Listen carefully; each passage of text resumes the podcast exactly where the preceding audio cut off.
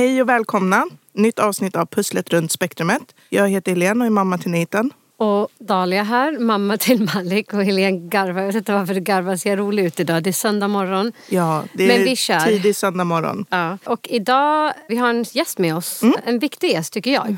För att om man har lyssnat på våra tidigare avsnitt så kan man ju höra om att uh, Helene och jag upptäckte ju själva, eller Vi såg tecknen själva och startade liksom processen Ja. till en utredning själva där vi involverade förskolan. Men sen finns den andra aspekten där det finns många föräldrar som kanske inte ser att det är någonting som sticker ut eller att barnet kanske behöver något extra stöd eller utredas och eh, då är det där förskolan kommer in Ja. som en jätteviktig roll där de kanske flaggar till föräldrarna.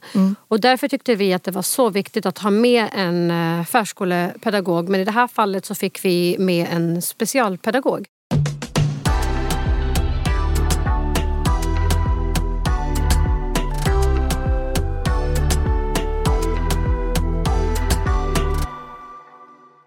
Sofia, välkommen. Berätta lite tack. kortfattat om dig själv. Eller berätta lite om dig själv. Vem är du?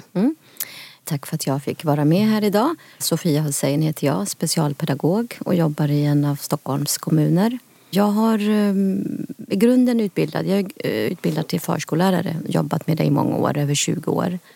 Sen valde jag att vidareutbilda mig till specialpedagog och jag har jobbat med det sen dess. Jag eh, är ju då, mm, jobbar mot förskola. Jag har jobbat lite i skolan också, lite erfarenhet från skolan men mest är det eh, förskola. Vad fick dig att gå från um, förskollärare till specialpedagog och utbilda dig inom det? Nej, men som, som sagt, jag har jobbat över 20 år i förskola och eh, har väldigt mycket erfarenhet eh, av barn eh, som man har träffat och kanske har behövt liksom, hjälp och stöd eh, för att eh, ja, få ta del av, av den pedagogiska verksamheten. Eh, en del har haft det liksom, svårt och en del har haft det väldigt svårt. Och man vill inkludera alla och hjälpa och stötta alla. Så att jag har eh, genom åren träffat och funderat kring några barn och hur jag som pedagog ska kunna hjälpa. Så att den här frågan har ju varit eh, väldigt eh, viktigt för mig. Och när jag fick chansen så valde jag att vidareutbilda mig till eh, specialpedagog. Nu vet jag inte hur förskoleutbildningen ser ut. Hur lång är den till att börja med? Mm. Idag är den tre och ett halvt år, kandidatexamen. Eh, när jag gick den så var den på två. Det här är alltså, jag gick ut 96 som förskollärare så att då var den eh, två och ett halvt år. Läser man något barn med särskilda behov eller hur, ser hur är programmet utformat? Jag vet att idag så, så ingår det en kurs som heter eh, specialpedagogik i förskolan. Okej. Eller specialpedagogik heter det tror jag på lärar, lärarutbildning. Så att den är ju en liten delkurs tror jag på 7,5 poäng. Och, eh, och den ingår. Och sen är det barnskötarutbildning och där har man också lagt till en liten kurs som heter specialpedagogik i förskolan. Är det för att det har blivit liksom mer, mer vanligt med alla dess olika diagnoser att man har lagt till det här i kursutbudet för att också stötta personalen eller? Jag vet inte varför men jag kan tänka mig att man har sett ett behov. eh, Ett behov i förskola, skola och att lärare ska ha lite kunskap om det. Ja, Ja, men för mig känns det som alltså, naturligt Ja. att, att man ska ha det. Det ska finnas med tycker jag, lärarutbildningen, förskoleutbildningen. För att eh, våra barn eller barn med NPF-diagnoser, de finns ju i alla skolor, förskolor. Så då tycker jag, jobbar man inom den världen, då ska man ha kunskap om det. Det är en självklarhet, tycker jag. Mm, precis, jag tror att det som har gjort att man har var, liksom, politikerna har liksom bestämt att lägga till den här. Precis, att det, det är viktigt. Jättebra. Jag jobbar i en av Stockholms kommuner och jag jobbar övergripande.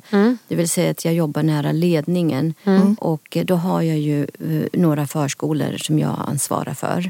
Alltså i en förskole, förskoleenhet kan bestå av, eh, det beror på hur det är uppdelat i eh, kommuner. Men just i den kommunen jag jobbar i så har jag i min förskoleenhet så ingår det 6 till 7 förskolor. Och det är väl cirka 20-21 avdelningar. Så att jag jobbar ju mer mot organisation och på gruppnivå och individnivå. Och mitt arbete består till stor, stor del till alltså att handleda och stötta pedagoger i de här frågorna.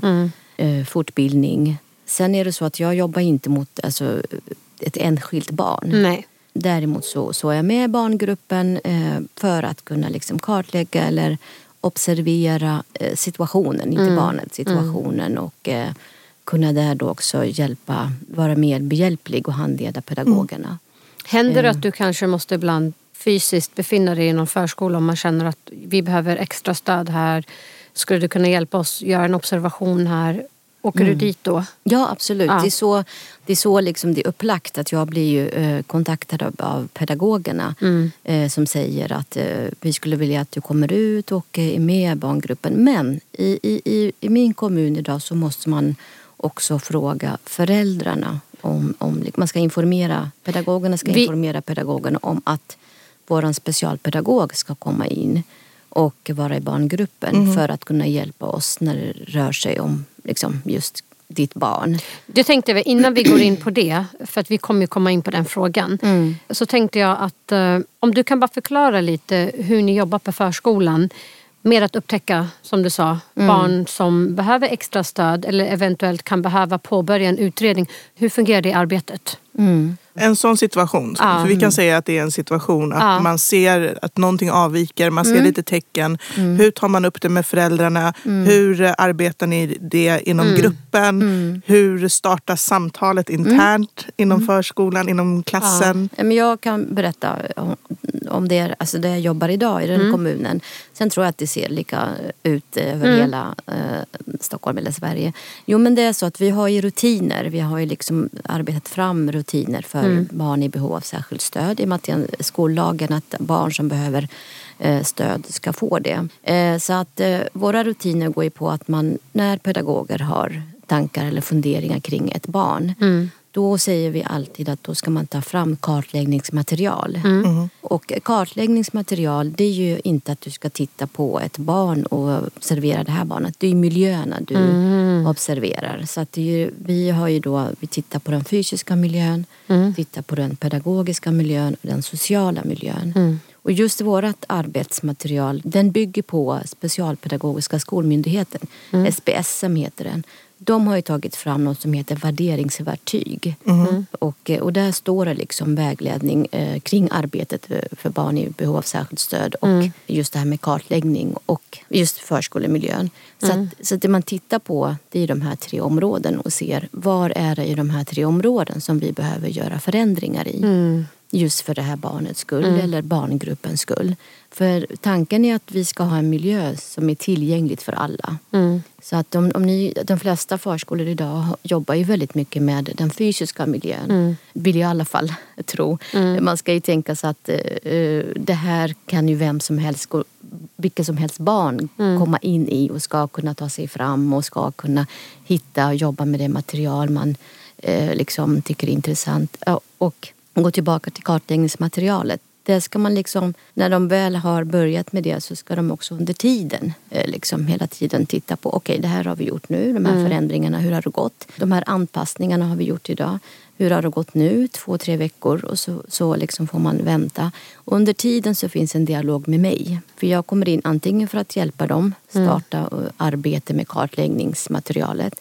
Eller att eh, så har de fått någon handledning innan och de har börjat och så kommer jag in och säger okej, var är vi nu? Vad har vi gjort nu? Vad behöver vi göra mer? Och det här kan pågå under veck- några veckor. Mm, Ja, sex, sju eller åtta veckor.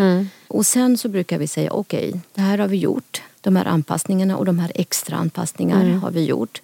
Och vi ser fortfarande att vi inte har kunnat hjälpa barnet. Och då är man liksom på ett annat stadie. Då kommer man till det här, okej det här barnet kanske behöver särskilt stöd. Och då är det ju att man gör specifika saker. Det här ska det vara liksom varje dag, så här ska det se ut varje dag. Eh, förlåt, de här specifika sakerna, kommer ni överens med det med föräldrarna? Absolut. Ja. Vad det jag tänkte precis fråga. När kopplas föräldern in, in i allt Ja. det här som du berättade? Mm, jag glömde säga, det är jätteviktigt.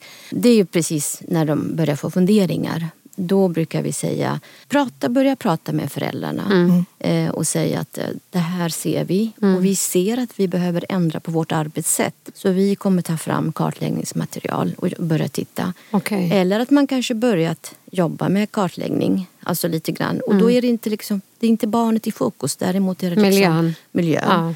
Och sen så, jag brukar säga, ha en dialog ganska tidigt med föräldrarna. Ja. Det här ser vi på förskolan. Ser ni något hemma? Är det något ni känner igen? Men oftast när vi har samlat på oss lite, så att säga, lite material eller vi har gjort det vi ska göra och vi kanske är halvvägs. Så brukar vi också, jag brukar säga kalla in föräldrarna till ett samtal och säga att uh, vi kommer behöva prata lite om ditt barn eller vi kommer ta upp lite grann våra tankar och funderingar. Så att det bästa är ju liksom, aha, sitta, sitta ner och prata. Och då ska ju tankarna vara att vi behöver göra något här på förskolan. Vi behöver ändra.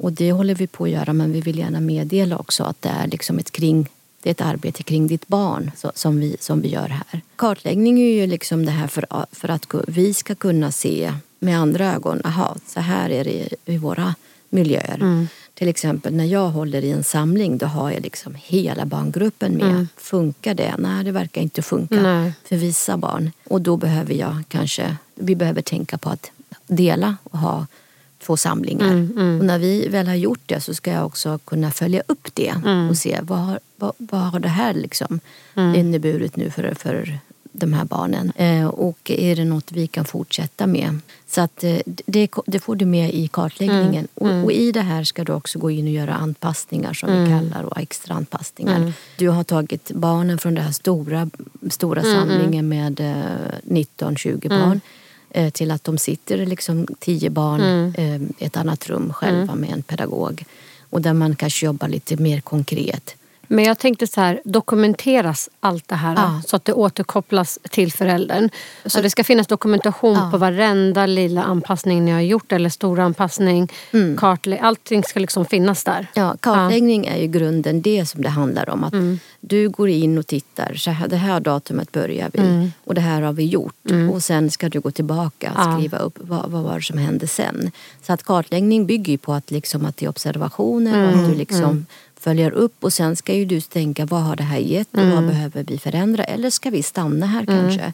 Det här var bra, det här liksom beslutet att ha till exempel mm. två samlingar var bra. Mm. Så vi stannar där och fortsätter med det.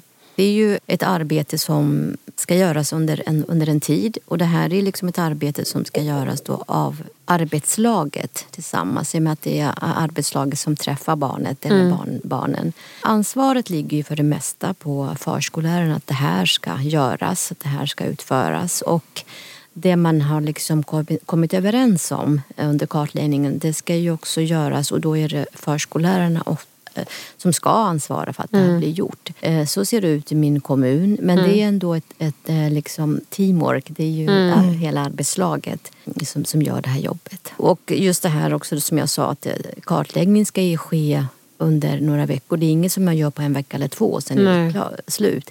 Det här är liksom ett fortlöpande arbete där man går in och tittar.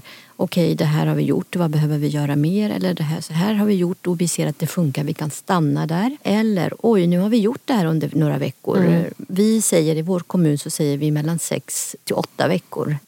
Och, eh, och så kommer man fram till att oj, det behövs mer. Mm. Då, kommer man till, då pratar man om särskilt stöd. Så att, och det kan ju innebära olika saker. I och med att liksom en sån här kartläggning tar den tiden det tar och så. Dialogen där med föräldrarna. Mm. Hur presenteras det här till föräldrarna? Hur mottas det? Också hur samarbetar man under resans gång? För att det ska liksom vara ömsesidigt mm. och att mm. alla är bekväma. Kan du berätta lite om din erfarenhet kring det? Mm. Alltså, det är ju väldigt bra att ha en, en bra dialog med föräldrarna och ha det ganska tidigt och mm. ha det liksom under arbetets gång. Och att informera och just att ha den här äh, dialogen om att okej, okay, det här gör vi nu och vi behöver göra så.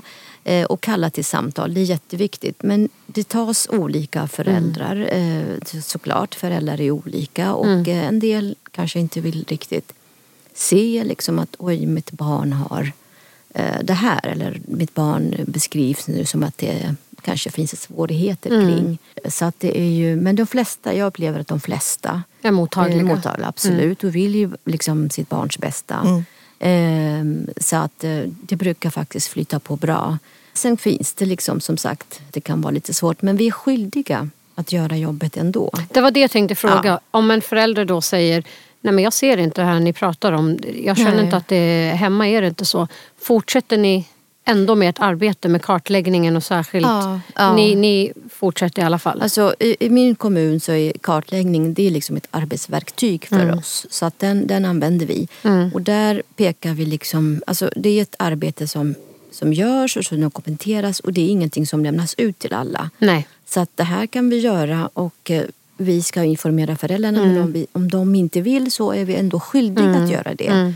Så att vi, vi lägger inte ner för att en förälder säger nej eller för att den inte vill komma på möte och samtala om det här. För vi ser att barnet behöver det och det är ju barnets bästa som eh, kommer i första hand. Men hur kommer man då ifrån liksom de här samtalen, kartläggningen, Anpassningarna. anpassningarna? Hur kommer man vidare till en utredning? Ja, Vi kan. Eh, alltså, när man börjar prata tidigt om det här, funderingar, om det kan vara... Så här är det. En del barn kan man se tidigt att här finns det liksom svårigheter. Och då måste man ju sätta, tillsätta hjälp nästan på en gång. Så, så man behöver liksom inte säga nej, först ska vi göra kartläggning, sen ska Nej. vi göra det här. För en del barn behöver det. Man ser det väldigt tydligt. Ja, precis. Och, eh, och då min bild eller min upplevelse är att de flesta chefer jag jobbat med de har ju liksom sagt okej, vi måste in och tillsätta för att eh, pedagogerna ska kunna liksom hjälpa och stötta det här barnet. Eh, så. Men sen finns det de barn som man tycker att ja, men i vissa situationer funkar det och andra liksom, situationer inte och så. När, när vi ser att det är ett barn som har de här tydliga svårigheter då brukar vi säga, eh, råda eller ge ett råd till föräldrarna att kontakta BVC. För så är det, BVC är den liksom där barnet, eh, det är där liksom man har eh, sitt första, du vet med vården och det är de som kan barnen. Så BVC säger att prata med BVC och ni får jättegärna också säga att förskolan, förskolan har sett det här. För- för- Förskolan eh, har de här funderingar. Sen är det ju BVC som skickar liksom remissen vidare. Vi i förskolan har ingen rätt att ringa till BVC och säga nu vill vi skicka det här barnet på utredning. Nej. Det är liksom lagen... Ni får tillåter- inte nej, göra så. Nej, Men det, är nej. jätte, det här är jätteviktigt Ja, att veta för ja. jag hade ingen aning. Nej, Nej, inte jag heller faktiskt. Det här ska ju gå, det är alltid föräldrar som ska godkänna kontakten Mm. med BVC. Och vi kontaktar inte och säger nu kommer ett barn till er. Så ni har ingen kontakt med varandra?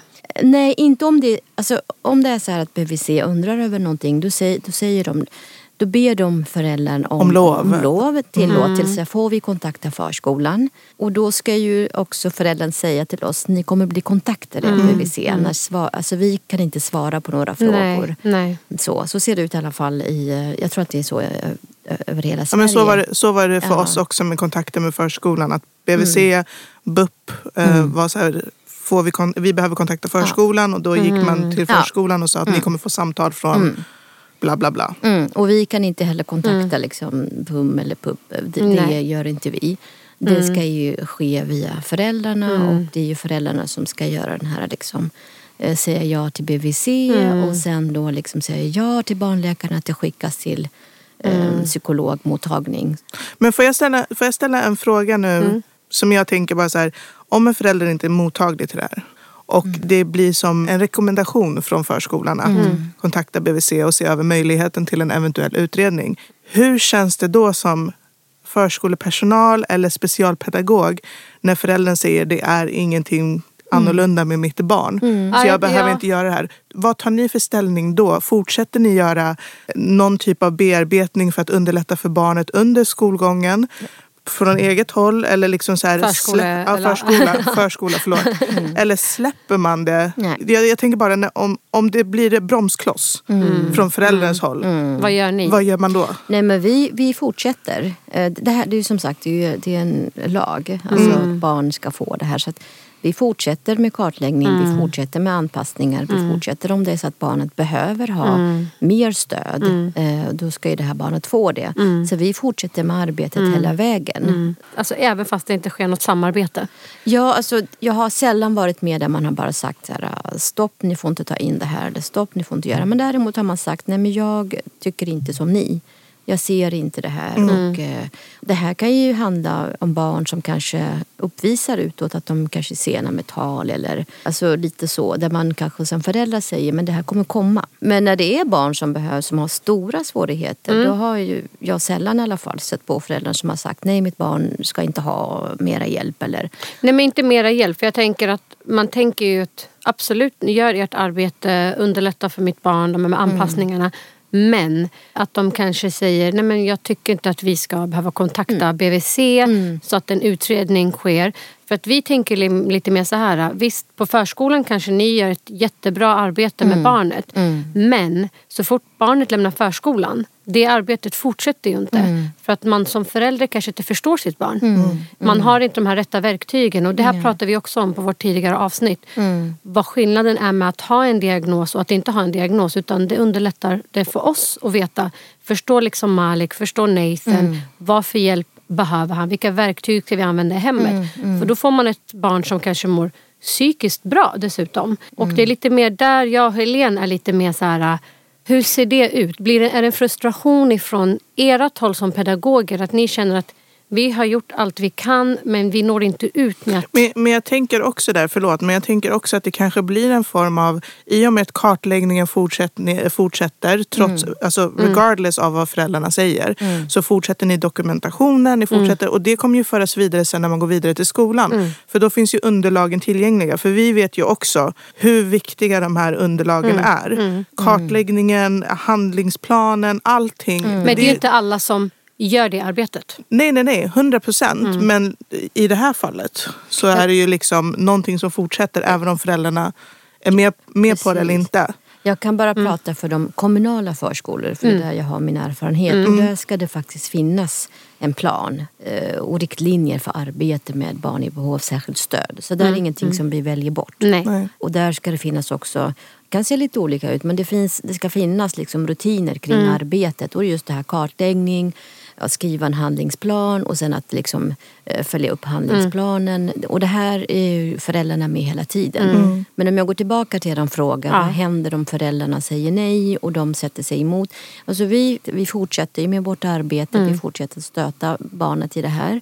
Och, eh, och är det så att barnet behöver extra stöd i, i eh, undervisningen i form att det är en person eller att arbetslaget får lite mer timmar. Det ser olika ut. Då, då ska den få det. Men sen är det så här att vi kan ju inte tvinga föräldrar att gå så här, göra utredning. Nej. Eh, Vi, kan inte, vi har inte heller rätt att ringa till BUM och Nej, säga nej. det här måste ni kontakta föräldrar. Alltså det är ju inte så.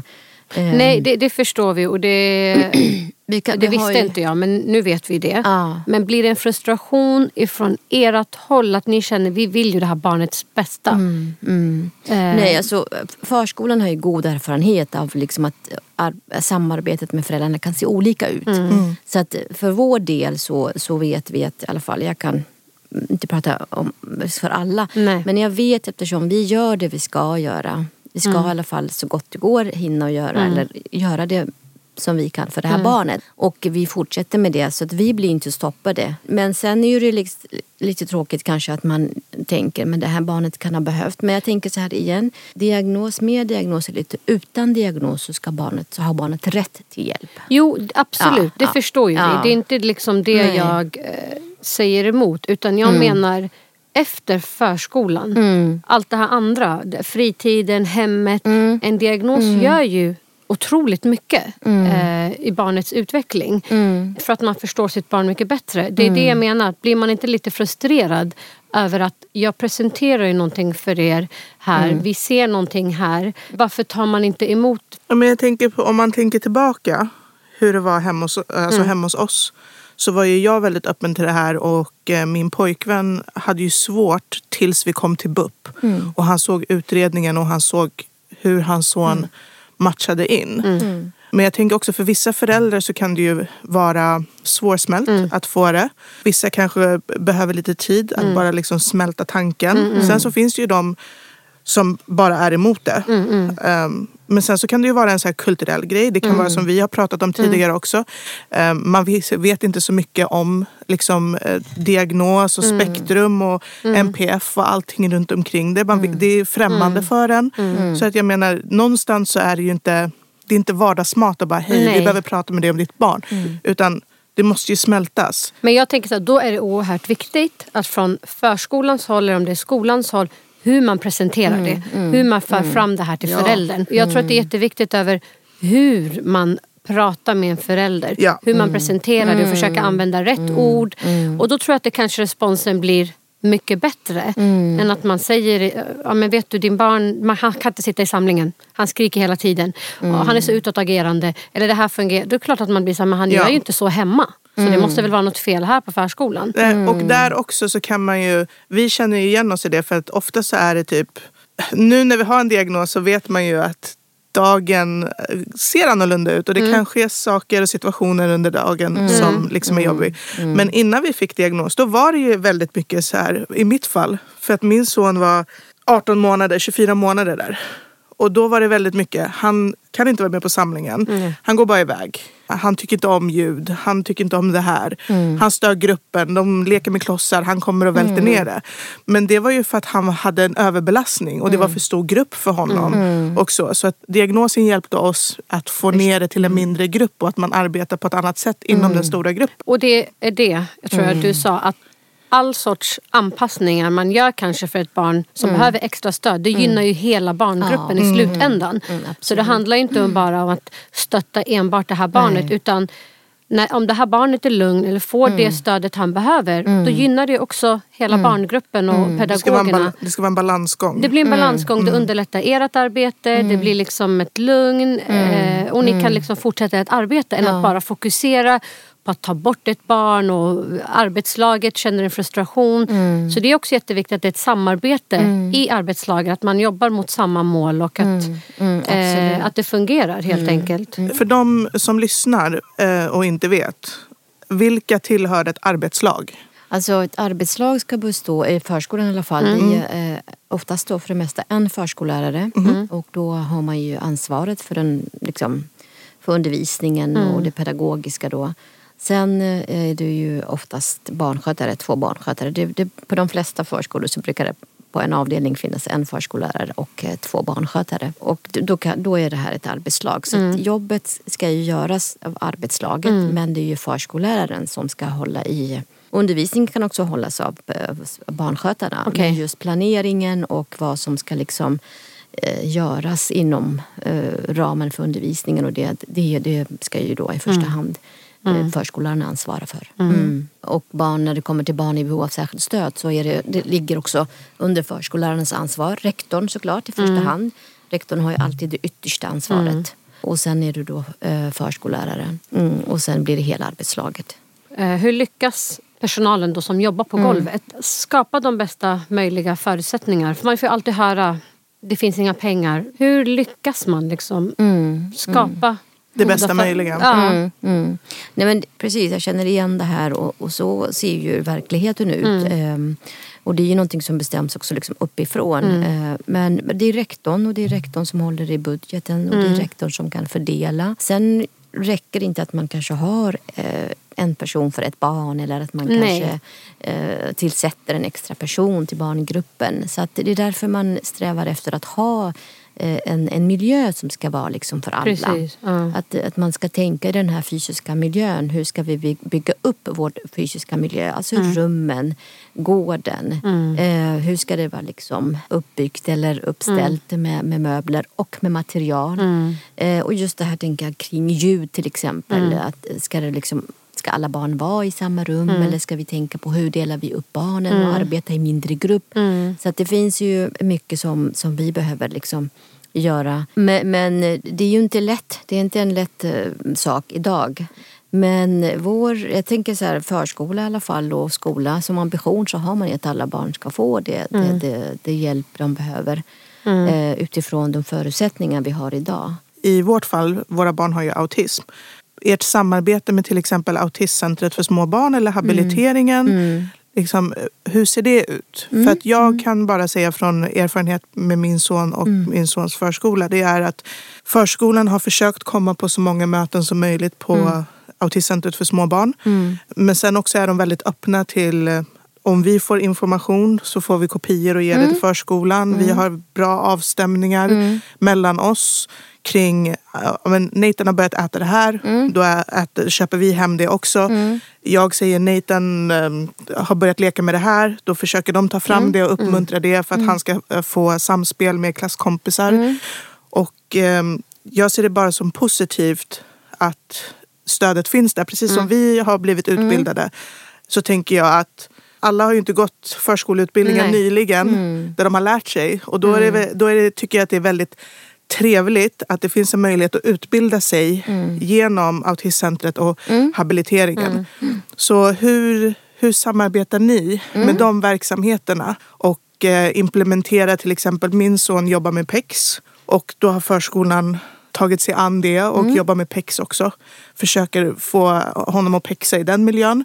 Så hur arbetar ni med eh, samarbetet med Autismcentret och habiliteringen? Ja, jo, men så här funkar det idag. Eller har väl också sett så genom åren att eh, när, ni, alltså, när föräldrarna då har liksom påbörjat en utredning och då har man ju också en dialog kring nu har vi börjat liksom, den här utredningen och då brukar de säga också inom, alltså, man har ju frågeställning inom område autism eller om det är ADHD och då brukar ju också de som utreder brukar säga vi tittar inom autism, område autism. Och när det har liksom tagits fram eller utredningen är klar då är det ni föräldrar som informerar oss om det. Eh, Alltså precis. föräldrarna informerar om att eh, utredningen är klar och mitt barn har fått den här diagnosen. Och vi på förskolan säger okej, vi kommer gärna på ett infomöte för de vill gärna kalla på ett infomöte, BUM eller utredningsenheten för att de vill informera förskolan. Så de brukar fråga föräldrarna, är det okej att vi ringer till förskolan och kallar till ett möte? Och i de flesta fall så brukar för, föräldrarna säga ja. Så att då vi, kommer vi eh, till ett sånt möte där vi lyfter liksom okej, de här svårigheterna har vi sett och då kan ju vi få liksom hjälp och råd inom mötets tid eh, om det här. Sen är det ju då att för ni föräldrar eller föräldrarna väljer då sen att om barnet går på förskolan då är det autism för små barn eh, som man skriver in sig hos. Eh, och då brukar föräldrarna informera oss att nu är det liksom eh, möte på gång eller det här och då brukar vi det finns en utbildning som är jättebra för förskolepersonal som är idag en hel dag. Men det, Ja, jo, det är introduktionskursen Ja, va? introduktionskurs för aut- alltså autism. Men jag ska, även för föräldrar så är det en dunderklass. Det, det, är Ja. den, det, det Ja. var den som jag var typ så här, this makes sense.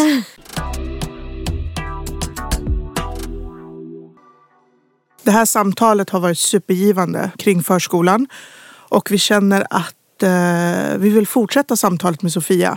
Så vi pausar här och återkommer nästa vecka med fortsättningen kring förskolan och eh, specialpedagogen Sofia.